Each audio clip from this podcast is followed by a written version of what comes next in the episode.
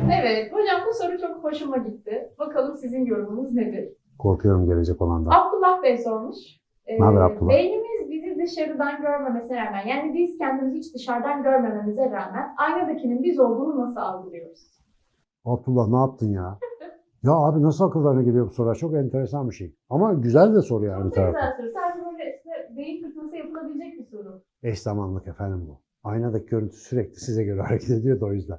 Verebileceğim en büyük cevap bu. Yani burada maymunlar da anlıyorlar. Aynada gördükleri şeyin kendi görüntülerin başka bir hayvanla olduğu işte bir zihin teorisiyle, benlik algısıyla, bilinçle alakalandırılan bir şey olduğu için denenmiş. Mesela bu şempanzelerde, bonobolarda hatta orangutanlarda alnına bir şey boya sürüyorsun. Aynaya bakınca aynayı değil kendi alnını siliyor. O aynadaki görüntünün kendisi olduğunu anlıyor yani. Demek ki beynin belli bir düzeyde gelişmişliğiyle alakalı bir durum gibi. Kertenkele, balık ne yaparsan yap kendini aynada tanıyamıyor. Yani onun kendi imajı olduğunu fark edemiyor. Biz muhtemelen daha evvel çokça bahsettim. İnsan açısından en önemsediğim zihinsel özelliklerden biridir. Neden sonuç zinciri ilişkisi kurup faile gidebilme. Yani bir şeylerin nedenini bulma arayışı. Çok basit bir şekilde mesela bebeği aynanın karşısına koyduğunda yeni bebekler daha böyle birkaç aylık çok eğlenirler mesela. Orada böyle aynaya vur, beygo, gulu gulu bilmem ne. Ve çok kısa bir süre içerisinde aynada hareket eden görüntüyle kendi hareketleri arasındaki bağlantıyı çok kolay kaydedebiliyor. Ama bunu bir kertenkele yapamıyor. Bize çok basit bir şey gibi gözüküyor ama insan bebeğinin ya da bir maymunun ayna karşısında hareket eden imajın, aynada karşısında hareket eden imajın kendi bedeniyle eşgüdümlü hareket ettiğini fark etmesi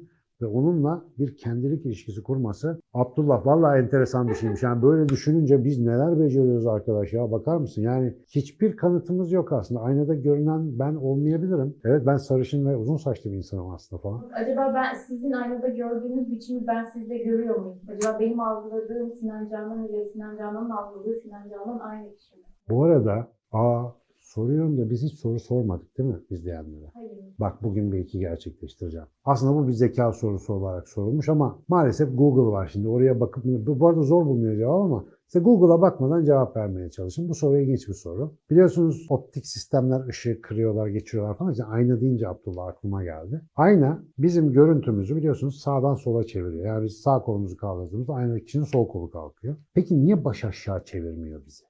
Yani sağ sol yönde çeviriyor da neden mesela ayağımız başta başımız ayakta gözükmüyor? Bu sorunun cevabını düşünüyorum. Çünkü aynı sonuçta bütün ışıkları ters yansıtması lazım bize. Yorumlara yazın efendim. Yorumlarda doğru cevabı ma- mantıklı ve makul olarak yazan ilk arkadaşımıza bir ifa kitap seti hediye gidiyor. Kullanıcı adınızdan mesaj atacağız. Hemen yorumlara yazınız efendim. Acaba ayna sağı solu çevirirken neden yukarı aşağıyı çevirmiyor?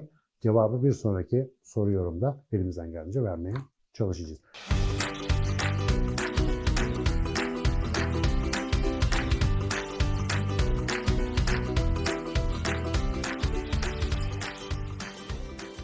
Hocam bu çok hoşuma gitti bu soru. Ee, üstünde de sizden yorum almak böyle eğlenceli olabilir. Buse Hanım sormuş. Demiş ki film ya da işte filmden çıktığımız zaman, sinemaya gittiğimiz zaman ve tiyatrodan çıktığımız zaman böyle o çıkış anında içimizde bir boşluk olur ya.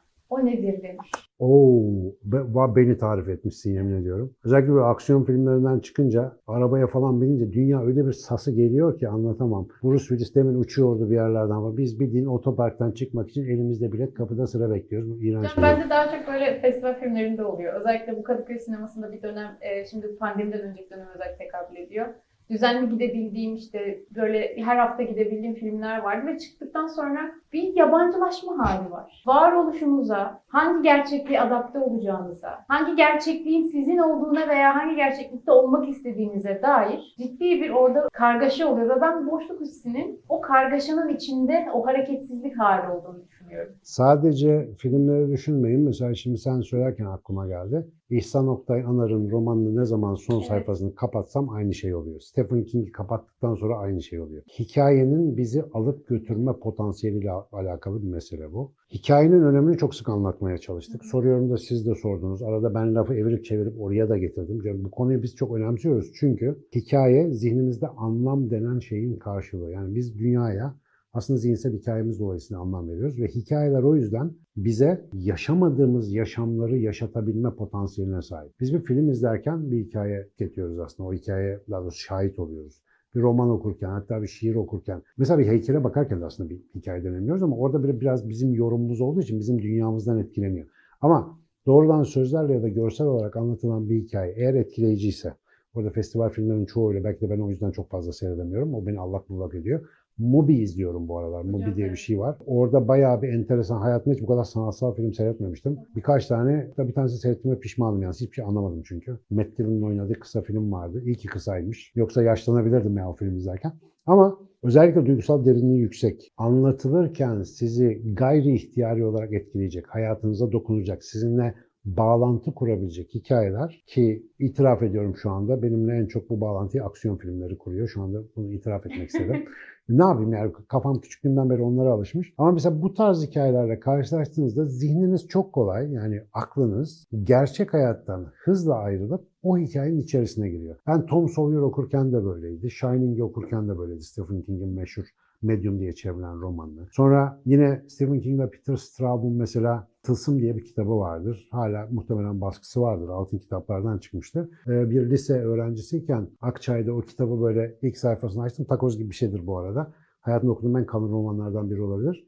Onu okurken üçüncü derece bundan kötü olmasın. Bütün vücut yandım yani. Tatilin vallahi beş günü yoğurt falan bir merhem içinde geçti böyle. Kitap sizi öyle bir kapıyor, hikaye bazen sizi öyle bir kapıyor ki o kitabı kapatıp da bıraktığınızda gerçek hayata adapte olma konusunda bir sorun yaşıyorsunuz. Bunun sebebi insan zihninin hep vurgulamaya çalıştığım gibi hikayeyle çalışıyor olması. O yüzden iyi bir hikaye hayatımızı değiştirdiği gibi bizim bütün hayatımız, bütün algımız aslında bir hikayeden ibaret. Dolayısıyla iyi hikayeler hikayelerimiz içinde yer ediyor bizim hikayelerimizi daha yaşanması hikayeler haline getiriyor. İşte o yüzden edebiyat, o yüzden sanat merkezi öneme sahip bir şey.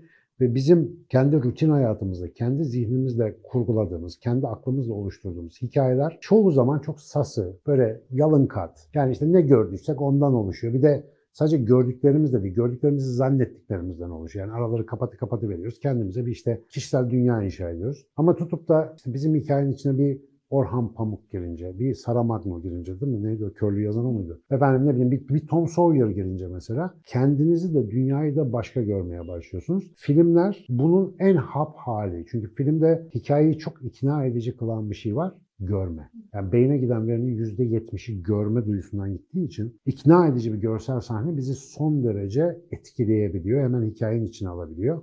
O yüzden Hollywood filmleri maalesef şu anda tamamen bir özel efekt panayırına dönmüş durumda. Hikaye gerek yok. Yani ver Kaptan Amerika'yı, ver işte Iron Man'i saatlerce oyalasın seni. Ama ister görsel, ister işitsel, ister bir müzik parçasındaki hikaye olsun işte nasıl derseniz deyin. Aslında aklımızı literal olarak alıyor. Aklını alırım diyorlar ya. Aklını alıyor. Ve onun yerine başka bir şey koyuyor geçici bir süre. O deneyim bittikten sonra ise sen tekrar eski aklını kazanana kadar biraz zaman geçirmen gerekiyor. Etkili olan hikayeyi bence böyle ayırt edebiliriz. Bu arada arkadaşımızın da içgörüsü çok güzel. Ya ben de tınladığı için çok güzel. Muhtemelen çok kişi bunu hissediyordur ama çoğu kişi anlamlandırmıyordur. İyi ki bak bu soruyu sordu, üzerine düşünme fırsatımız oldu. Bu konuşma içinde aklıma bu son zamanlarda böyle bir anda çağrışan, beni içine alan bir hikaye, bir film geldi. İşe yarar bir şey. İşe yarar bir şey. Evet, eklemek isteyen olursa ben uzun zamandır yani zaten 2017 filmi aslında. Sadece bu çağrışma içinde o beni aldı. Çünkü bir anda kendi gerçekliğimden çıkıp başka birinin gerçekliğinde kendimi onun düşünce yapısında ben ne yapardımı sorgularken ve ben orada nasıl hissederdim sorgularken bulduğum çok güzel filmlerden biri çağrıştığı için geldi hemen aklıma. Süper. Onu eklemek istedim. İşe yarar bir şey. İşe yarar bir şey. Ben de seyredeceğim. Yazdım bir kenara.